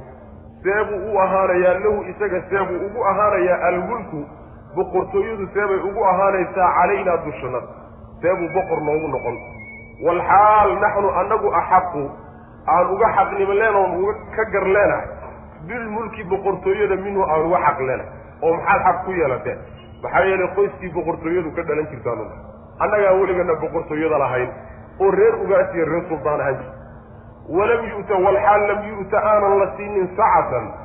Wax dheeraad iyo badan wax badanna aan la siinin oo minal maali xoolaha ka mid. Xoolo badanna gacanta kuma hayo. Oo nin xoolo loogu xilan ma aha nin qoys hore uu ka dhashay oo loogu xilanna ma aha qaala wuxuu yihi ina allaha alle istafaahu waa doortay alle. Calaykum dushiinu ka doortay. Inuu maamulo idiin noqdiyo hogaamiyu alla u doortay. Wa zaadahu waa wejigii doorashada wey. Doorashadiisa waxaa keenay waa middan wey. Wa zaadahu ilaahay wuxuu ku ziyaadiyey oo uu dheeraad siiyey. Bastatan dheeraad ayuu siiyey fidsanaan. Uu ku fidsan yahay filcilmi garashada iyo waljismi jidhka dhexdiisaba. Jidhkiisuna waa fidsan yahay waa xoog badan yahay cilmigana waa ku fidsan yahay oo aad buu u dhex galo waa yaqaana macna. Wallahu allana yu'ti wuu siini. Mulkahu boqortooyadiisa iyo maamulka man yashaau cid u doorsiin doonusiina u doori idinkuna inaad faragelisaan xaquma lihidin. Laa yus'alu camaa yafcalu wahum yus'aluun. Wallahu alle waasicun midkii naxariistiisa iyo fadligiisu waasix yahay weye caliimun oo ogsoon addoommadiisa iyo axwaashooda wuxuu ogsoon yahayna waxaa ka mida cidda boqortooyada mudan ayuu alle ogsoon yahay subxaana wa tacala sidaas wa qaala lahum nabiyuhum ina aayata mulkii an ya'tiyakum ataabuutu fiihi sakiinatu min rabbikum wa baqiya. Boqorkiibaa doorashadiisii loo dooray yaa laga sii dhaadhicinaya. Waxaa kaleeto ood boqortooyadiisii hoggaankiisa ku ogolaataan mucjizadan uu idinla imaan doono. Wa qaala wuxuu yihi lahum iyaga nebiyuhum nebigooda wuxuu ku yidhi nebigoodii wuxuu ku yidhi inna aayata mulkihi boqortooyadiisa iyo hoggaankiisa. Aayadda iyo calaamadda ku tusaysahay an ya'tiyakum waa inuu idiin keeno waa inuu idin yimaado attaabuutu santuuqii waa inuu idin yimaado. Fiihi xaal ay dhexdiisa tahay taabuutkaa iyo santuuqaasi sakiinatun xasilooni oo min rabbikum xagga rabbigiin ka ahay xasilooni baa santuuqaa ku dhex jirta wa baqiyatun. Iyo hadhaabaa santuuqa dhexdiisa. Ah hadhaagaasoo mimaa shay ka mida taraka ay ka tageen aalu muusa. Muuse iyo aalkiisi ay ka muuse aalkiisa uu ka tegey wa aalu haaruuna haaruun reerkiisi uu ka tegey yacni nabiyullaahi muusa iyo haaruun waxyaalihii ay ka tageen ee baqaayaadkooda iyo macnaha hadhaagooda ahaa ayaa santuuqa sidoo kale ku dhex jira. Kaasaa idiin imaan taxmiluhu iyadoo ay xambaarsan tahay buu idiin imaan santuuqaasi almalaa'ikatu malaa'igtu iyadoo siduu idiin imaan inna fii dalika arrinkaa dhexdiisa waxaa ahaatay la aayatan calaamad cad oo lakum idinka idiin sugnaatay in kuntum haddaad tihiin mu'miniina kuwa ilaahay rumaynaya subxana wa tacala aayad cad iyo mucjizo cad baa ku sugan oo boqortooyada daaluud macnaha waxa way sugay wuxuu ahaa baa la leeyahay mucjizo iyo calaamo ilaahay subxaana wa tacaala uu siiyey oo kutusaysa calaa sixati mulki taaluut. Taaluut boqortooyadiisa iyo hoggaankiisa inuu saxiix yahay. Mucjizo keliya astaan kalaa laydinku samayn maxay tahay astaantaasi astaantaasi waxay tahay waxaa idiin imaanaya santuuqii taabuutka waxaa la yidhahda santuuqa la yidhahda wuxuu ahaa baa la leeyahay taabuutkaas santuuqii lagu ridi jiray cahdigii nabiyullaahi muusa iyo haaruun iyo lagu ridi jiray macnaha tawreed ay ku jirtay. Waxaa kaloo ku jira oo taabuutkaa ku jira baqaayaadkii iyo waxyaalihii hadhaaga ahaa ay ka tageen nabiyullaahi muusa iyo haaruun ay ka tageen. Waxaa misaal ay leeyihiin waxaa ka mid ah masalan ushi oo kale. Alwaaxdii tawreed lagu soo dejiyey oo kaleeto. Waxyaalahaas adugu ay ka tageen ee baqaayaadkoodii ana waa ku dhex jiraa santuuqa santuuqaasi markuu idin yimaado xasilooni baa sidoo kale yaa sidoo kale ku dhex jirta xasiloonida waxaa laga wadaa asbaabtii aad ku xasili lahaydeen baa ku dhex jirta. oo macnaha waxa weeye ama markaad aragtaan ood furtaan ood waxa ku dhex jira aragtaan ayaad degaysaan oo qalbigu idiin degiyood ku xasilaysaan. ama ma ahe ilaahay subxaana wa tacaala santuuqaas sababkiisu oo xasiloonini xasilooni xasiloonidiina uu ku keenayaa macna. Adigu xasilooni baa sanduuqa ku dhex jirta macna. Sidaasaa lagu yidhi santuuqa waxaa wada oo idin keeni doonta malaa'ig baa idin keeni doonta. Middaasi waa mucjizo muuqata. Iyo aayad cadoo kutusaysa daaluudka madaxda la idinka dhiga madaxnimadiisu inay sax tahay macna. Saasaa lagu yidhi. Waxaa la leeyahay taabuutkaas wuxuu ka mid ahaa waxyaalihii laga qabsaday. Goortii la soo qixiyo waddankooda la qabsaday. Waxyaalihii gacanta lagaga dhigay buu ka mid ahaa taabuutku oo aahaartii iyo wax alla wixii laga tegay oo dhan macnaha ay ku jirto. Ambiyadii hore waxay ka tageen wa qaala lahum wuxuu ku yidhi nabiyuhum nebigoodii wuxuu ku yidhi inna aayata mulkihi boqortooyadiisa astaanteeda iyo calaamadeedu yacni inna aayata sixata mulkihi wey boqortooyadiisu inay saxiix tahay oy fayowdahay. Waxa ku tusayaay waxa weeye iyo astaanteedu an ya'tiyakum inuu idin yimaado attaabuutu santuuqu inuu idin yimaado santuuqii.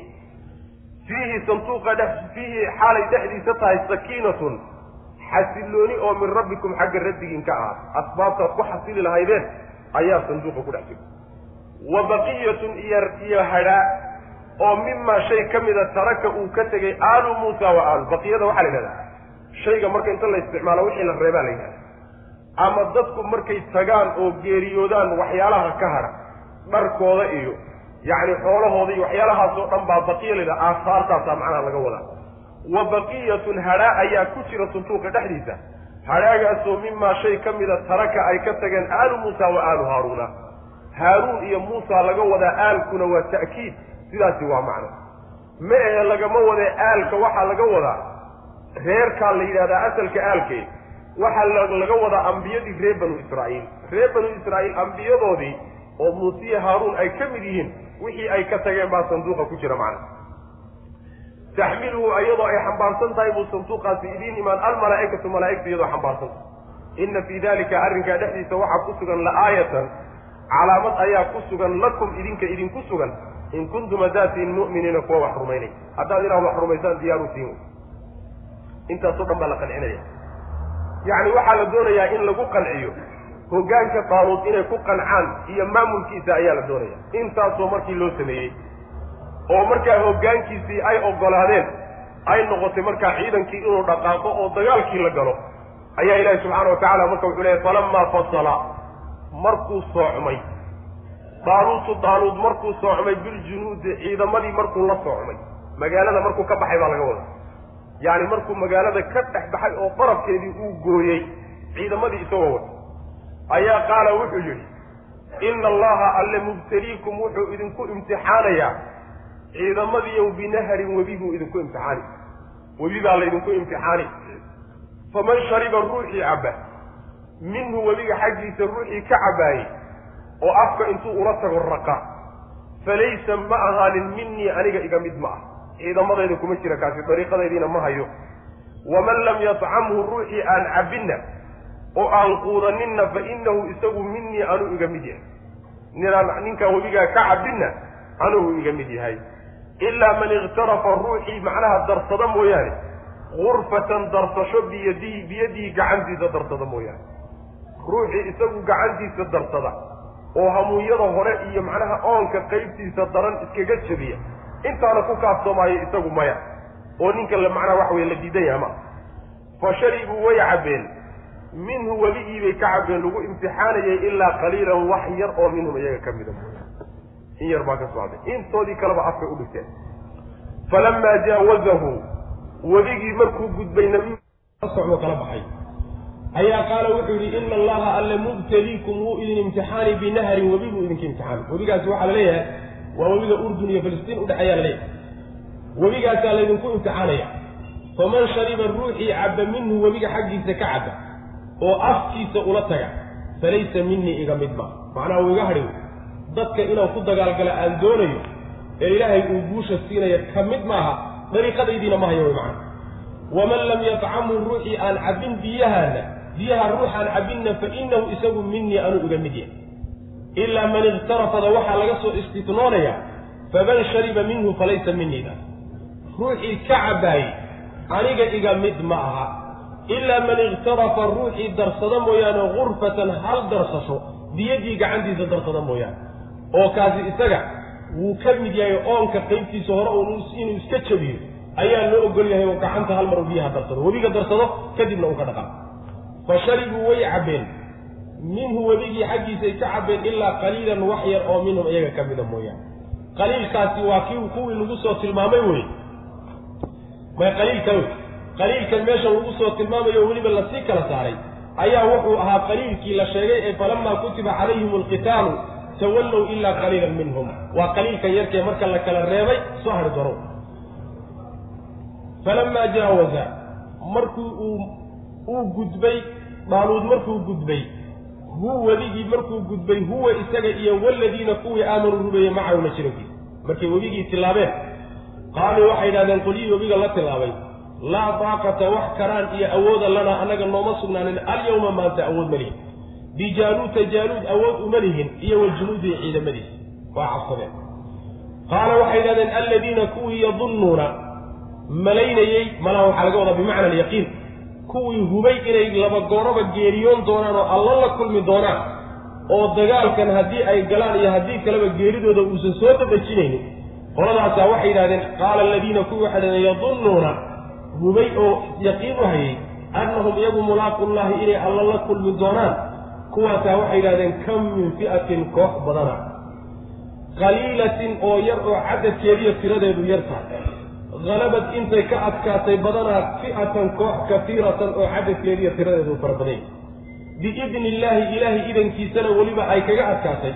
Wallaahu allana maca saabiriina dadka sabra ayuu la jiraa. Yacni guusha wuxuu siiyaa dadka adkaysiga u yeesha dagaalka een ka carabin qoladaasoo mar walba ilahay garab istaagay. Sidaasay ku yidhahdeen marka ilaahi subxaana wa tacaala imtixaanaadkiisa ayay aayaddu kutusaysa walamaa barazuu markii ay soocmeen walamaa barazuu markay ban baxeen oo bannaanka ugu baxeen lijaaluuta jaaluud iyo wa ciidamadiisa markay bannaanka ugu baxeen kooxdii kale soo hartay oo bannaankii dagaalkii iyo maydaankiisii laysugu yimid ayaa qaaluu waxay yidhaahdeen rabbanaa rabbiga now afriq shub calaynaa dushanaga sabran ilaahu adkaysi nagu shub. Ilaahu sabir iyo dulqaad inaan dagaalka dhibkiisa u yeelanno iyo inaanaan cararin ilaahu middaa dusha nagaga shub wasabbit ilaahu sug aqdaamanaa lugahanagana ilaahu sug oo cararka naga ilaali. Wansurnaa allow noo gargaar bay dhaheen cala alqawmi qawmkii alkaafiriina ee gaalada ahaa ilahu nooga gargaar. Ilahu kuwan gaaladana nooga gargaar bay saasay u ducaysteen goortay gaalada iska hor yimaadeen. Fahazamuuhum way jabiyeen.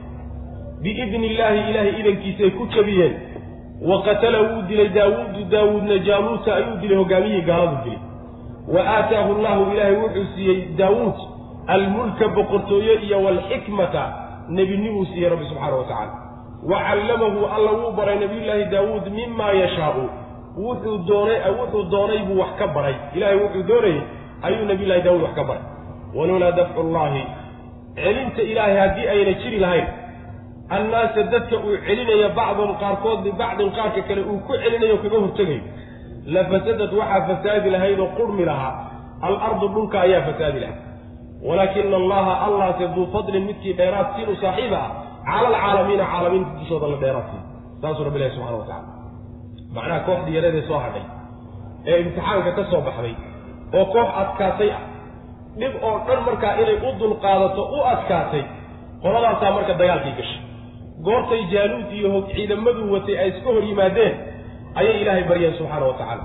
Ilaahayow macnaha waxa weye na sug oo gomadannada iyo lugahanaga sug oo ilaahu sabirna siiyo sabir dusha nagaga shub nagaga shuboo ilaahu nooga gargaar cadowgan iyo gaaladan inoo nooga gargaar. Sidaasay u ducaysteen kalsooni ay iyagu isku qabaan iyo awoodtooda mayna ku tashanin. Laakiin waxay ku tashadeen awoodda rabbi subxaana wa tacaala markii horeba ay ku tala gashanaayeenoo wallahu maca saabiriina ay ku hayeen inay tabar daran yihiin oo cadad ahaan ay yar yihiin oo laga badan yahay way ogaayeen way ku soo tala gashanaayeen laakiin marka horeba tabartooda mayna ku tushaneen taal rabbi subxaana wa tacaala iyo awooddiisa ayay ku tusheen tii bay marka u dhawaaqdeen. Rabbi subxaana wa tacaala marka guushuu ka siiyo way jebiyeen. Idanka ilaahay bay ku jebiyeen. Daawuud nabiyullaahi daawuud oo markaa ciidanka ku dhex jirayna wuxuu dilay jaaluud oo hogaamiyihii gaalada ayuu dilay. Halkaasuu marka ilaahay boqortooyadii reer banu israa'iilna gacanta ugu geliyey nabiyullaahi daawuud nebinimona ilaahay subxaana wa tacaala waa siiyo nebi buu ka dhigay. Boqor haddana nebi ah ayuu rabbi ka dhigay subxaana wa tacaala. Waxa uu baray wuxuu ilaahay doonay wax ka midu baray.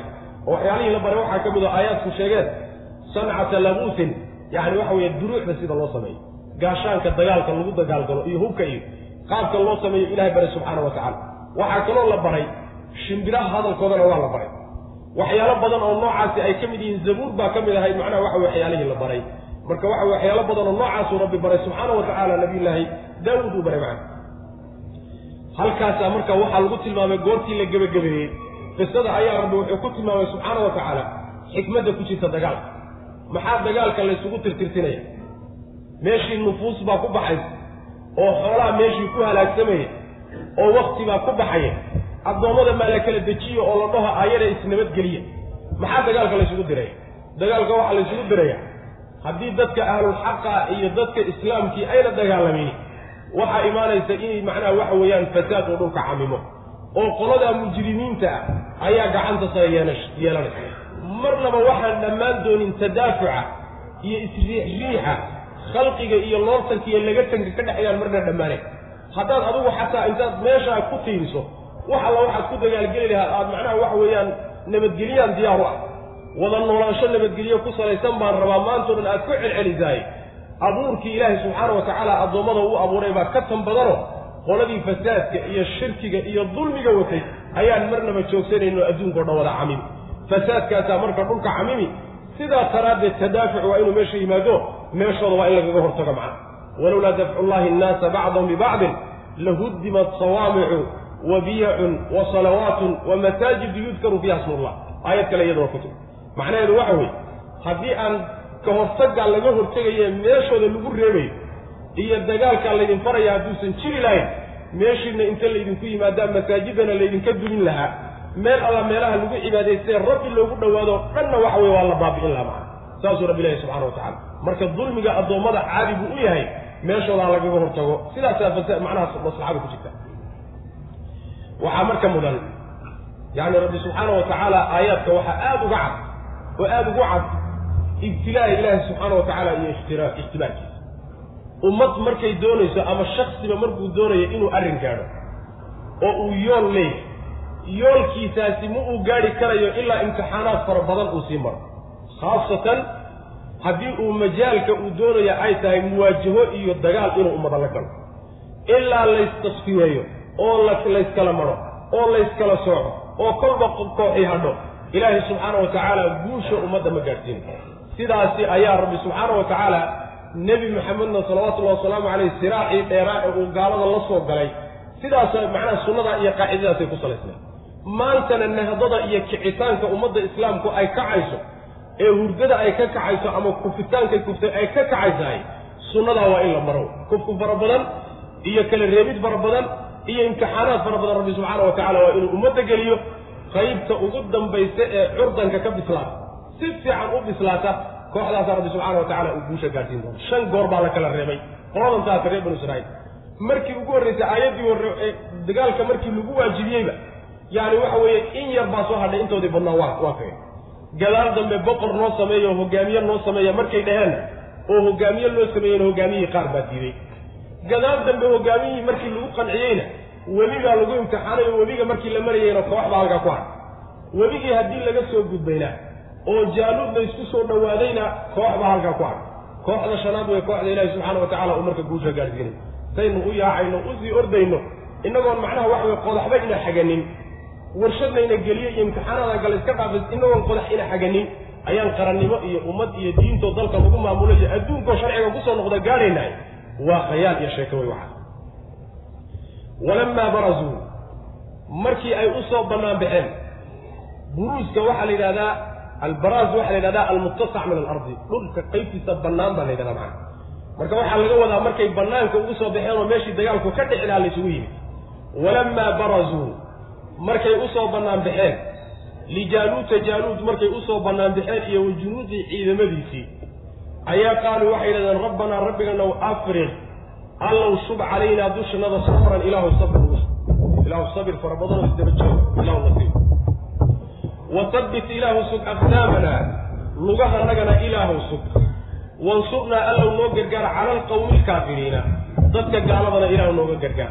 Qowmkan gaalada ilah nooga gargaar. Sidaasi waa sunno markii macnaha waxa weye xaaladda muwaajahada lagu dhaweeyo oo layska hor yimaado in la ducayso oo ilaahay loo ducayso subxaana wa tacaala la baryo sidaa nabigeennaa samayn jiray salawatullahi wasalaamu calayh goorta ciidamadu ay isu saftaan oo dagaalka in la bilaabo uu taagan yahay yuu nebigu salawatullahi wasalaamu caleyh rabbi gacmaha u taagi jiray. Maxaa yale nasriga ilahay gacantiisa ku jirtaa subxaana wa tacaala. Mawaasiinta maadiga ee xagga quwadda hubka ah iyo cadadka iyo tirada ah mawaasiintaasi ilaahay subxaana wa tacaala hadduu ugu talagalo inaysan waxba tarin waxba tari mayso. Hadduu ugu talagalo inay wax tartana waxbay taraysa midda muctabarkaa waxa weeye waa ilaahay subxaana wa tacaala quwadiisa iyo awooddiisa. Saas daraaddeed baad waxaad arkaysaa qolo xagga tirada iyo tayadaba ka xoog badan qolada ka soo horjeeda oo haddana laga adkaanay ujeeda nebi maxamed salawatullahi wasalaamu caleyh maalintuu muwaajahada gelayey wuxuu ahaa saddex boqol iyo wuxuu watay macnaha dhowr iyo toban wiil. Qoladuu dagaalka la gelayena quraysh weeye niman aad u fara badan bay ahayen taariikhiyan la yaqaano oo macnaha qabiil soo dagaalami jiray niman cusub buu nabigu salawatullahi wasalamu caleyh dagaalku la galay ha ahaatee waa laga adkaaday ilaahay wuxuu qadaray intaa iska badaayay dowladihii waaweynaa ee furus iyo ruum lahaa ee taariikhiga ee adduunku quwad iyo awood uga dambeeyey muddo gaaban bay ku liqeen. Aawe wixii. Aawe wixii teknolojiye iyo horumar iyo macnaha dabaabaad iyo waxay lahaayeen aawe. Waxa weeyaan habaan mansuuran bay iska noqotay. Meesha quwad ilaahay ah baa ka talinaysa quwad rabbaaniya meesha hadday socoto maqaayiista maadiga ibni aadamku waxba ma ay noqonayso. Sidaa daraaddeed baa waxay yidhahdeen kam min fi'atin qaliilatin halabat fi'atan kaiiratan biidni illah wax walba idanka ilahay buu ku socdaa marka fulaynimada markaa la iska daawiye marka fahazamuuhum way jabiyeen biidni illaahi ilaahay idankiisay ku jabiyeen oo waqatala wuu dilay daawuudu daawuud jaaluuta jaaluud buu dilay oo hogaamiyihii gaalada wa aataahu llahu ilaahay wuxuu siiyey nabiyullaahi daawuud almulka boqortooye iyo walxikmata nebinimuu siiyey labadaba waa laysku daray kaana yani nebiyan melikan sida nabigeena salawatullahi waslamu aleyh xadiiska saxiixa uu ku leeyay nebigeenna xataa waxaa la doorgeliyey in laga dhigo yacni nebiyan cabdan iyo in laga dhigo nebiyan melikan nebi boqor ah iyo nebi addoona labadaa in laga dhigaa la doorgeliyay nebigu wuxuu doortay salawatullahi wasalaamu calayh inuu nebi addoommada ilahay ku dhex jiro iska noqdo macna. Sidaasuu doortay laakiin nabiyullaahi daawuud asagu wuxuu ahaa boqor buu ahaa. Nabiyullahi sulaymaan baa uga dambeeyey wiilkiisaa macna walxikmata ayuu siiyey wacallamahu alla wuxuu baray nabiyullaahi daawuud mima yashaau wuxuu doonuu alla wax ka baray oo waxyaalihii faraha badneed ee rabbi uu baray subxaana wa tacaala inoogu imaan doonta qur'aanka qaybo ka mida insha allah walowlaa dafcu llahi alla riixidiisa hadduusan jiri lahayn annaasa dadka uu riixa bacdun qaarkood bibacdin qaarka kale uu ku riixayo uu kaga hortegay lafasadat ilardu dhulka ayaa fasaadi lahaa oo shirki iyo yac kufri iyo ilxaad iyo gaalnima adduunka qabsan lahaa. Dadka rumaysan baa macnaha adkaan lahaayo xoog badnaan lahaw. Walaakina allaha allaase duu fadlin dheeraadsiin u saaxiiba cala annaasi cala alcaalamiina caalamiinta dushooda la dheeraadsiin oo dagaalkan ilaahay uu dadka muslimiinta ku waajibiyey fadli weeyaan. Fadli wuxuu ku yahay mafsado ka weyn iyo dhib ka weyn oo ku soo socday kaga hortegaya saasaa lagu hortegayaa iyo dhulku macnaha inuu fasaad isu bedelo sidaas weeyaan tilka aayaat ullahi natluha calayka bilxaqi wa inaka la min almursaliin ilaa yowmina haada oo adduunku dulmi u guuray xagga dulmiga u batay uuna sheeganaya afka uu ka sheeganaya in nabadgeliyo iyo cadaalad iyo walaaltinimo adduunka lagu wada noolaadaay. Maanta waxaa laysku afkartaa laysku tixgeliyaa waa nin walba quwadda iyo awoodda uu leeyahay. Ama awoodda dhaqaale uu leeyahay ama awoodda caskariga uu leeyahay labadaa mid unbaa lagu tixgeliyaa ninkaan labadaa midna lahayn ninna macnaha waxa weeye yani dabadiisa ka qarsan maayo waxaba yaraatee ka xadhig xidhashaa oo uu leeyahay ma ay jirto. Khalqiga ilaahay ka ugu daciifsanee ugu tabar daran ayaa cadkaaga hunguriyeyni haddaadan macnaha waxa weye awooda wax kaga difaacda aadan lahay dad badan baa ku kadsoomay nebi war ilaahay subxaana wa tacaala wuxuu naxariis buu addoommada u soo dejiyey. Diinta ilaahayna waa naxariis. Nebi maxamedna nebiyu raxmu ahaayoo naxariis buu la yimid. Muxuu yahay diintan uun dagaalka ka sheekaynay saasay muslimiin badan qabaan. Qaar baa xataa yani waxa weeyaan toos kuula imaanay war rabbi baa subxaana wa tacala masaaxida yaqaana addoommadiisna isaga yaqaana waman lam yadud can xawdihi bisilaaxihi yuhaddam waman laa yadlim innaasa yudlami baa hadda ka nin shaacira. Ninkii aan darkiisa iyo wixiisa aan hubkiisa ku ilaashanin darkiisa waa laga dumin. Ninkaan dadka dulminina waa la dulmin dabeecada bini aadamka ama noocaas. Adigu marka waxa weeye intaad gees hoostii seexato halkaasaa nabadgelyo ku doonayaan waa lagu nabadgelin tilka middaasi aayaatullah ilaahay aayaadkiisii wey waxaas la soo waday ee axkaam iyo yacni waxa weeye wax walba leh waa aayaadkii ilaahay wey natluha waanu akrinaynaa calayka dushaadaanu ku akrin nebiyow bilxaqi iyadoo xaq ku dheehan baanu ku akrinayna mutanabisatan bilxaqi. Wa inaka adiguna nebiyow la min almursaliina kuwa la diray baad ka mid inuu mursal yahay shaki kuma jiro. Maxaa yeelay waxyaalahan aan soo sheegnay iyo qisaskaa reer banu israa'iil dabtay u dhaceenna loo soo tabiyey rasuul unbaa la imaan kara xagga ilaahay nin kala yimid unbaa la imaan karay laakiin cid kaleeta ma ay la imaan karayso macana tilka middaasi aayaatullahi ilaahay aayaadkiisa wey natluha waanu akrinayna nebiyo calayka dushaadaanu ku akrinaynaa bilxaqi. Xaq ayadoo ku dheehan oo xaqiiqo oo aan macnaha dhab ah oon dhayal ahayn baanu kuu akrinaa baatilna ahayn. Wa innaka adiguna la min almursaliina kuwa la diray ee addoommada loo soo diray inay risaalada ilahay gaadhsiiyaanna loo soo dhiibay baad ka mid tahay. Wallahu aclam.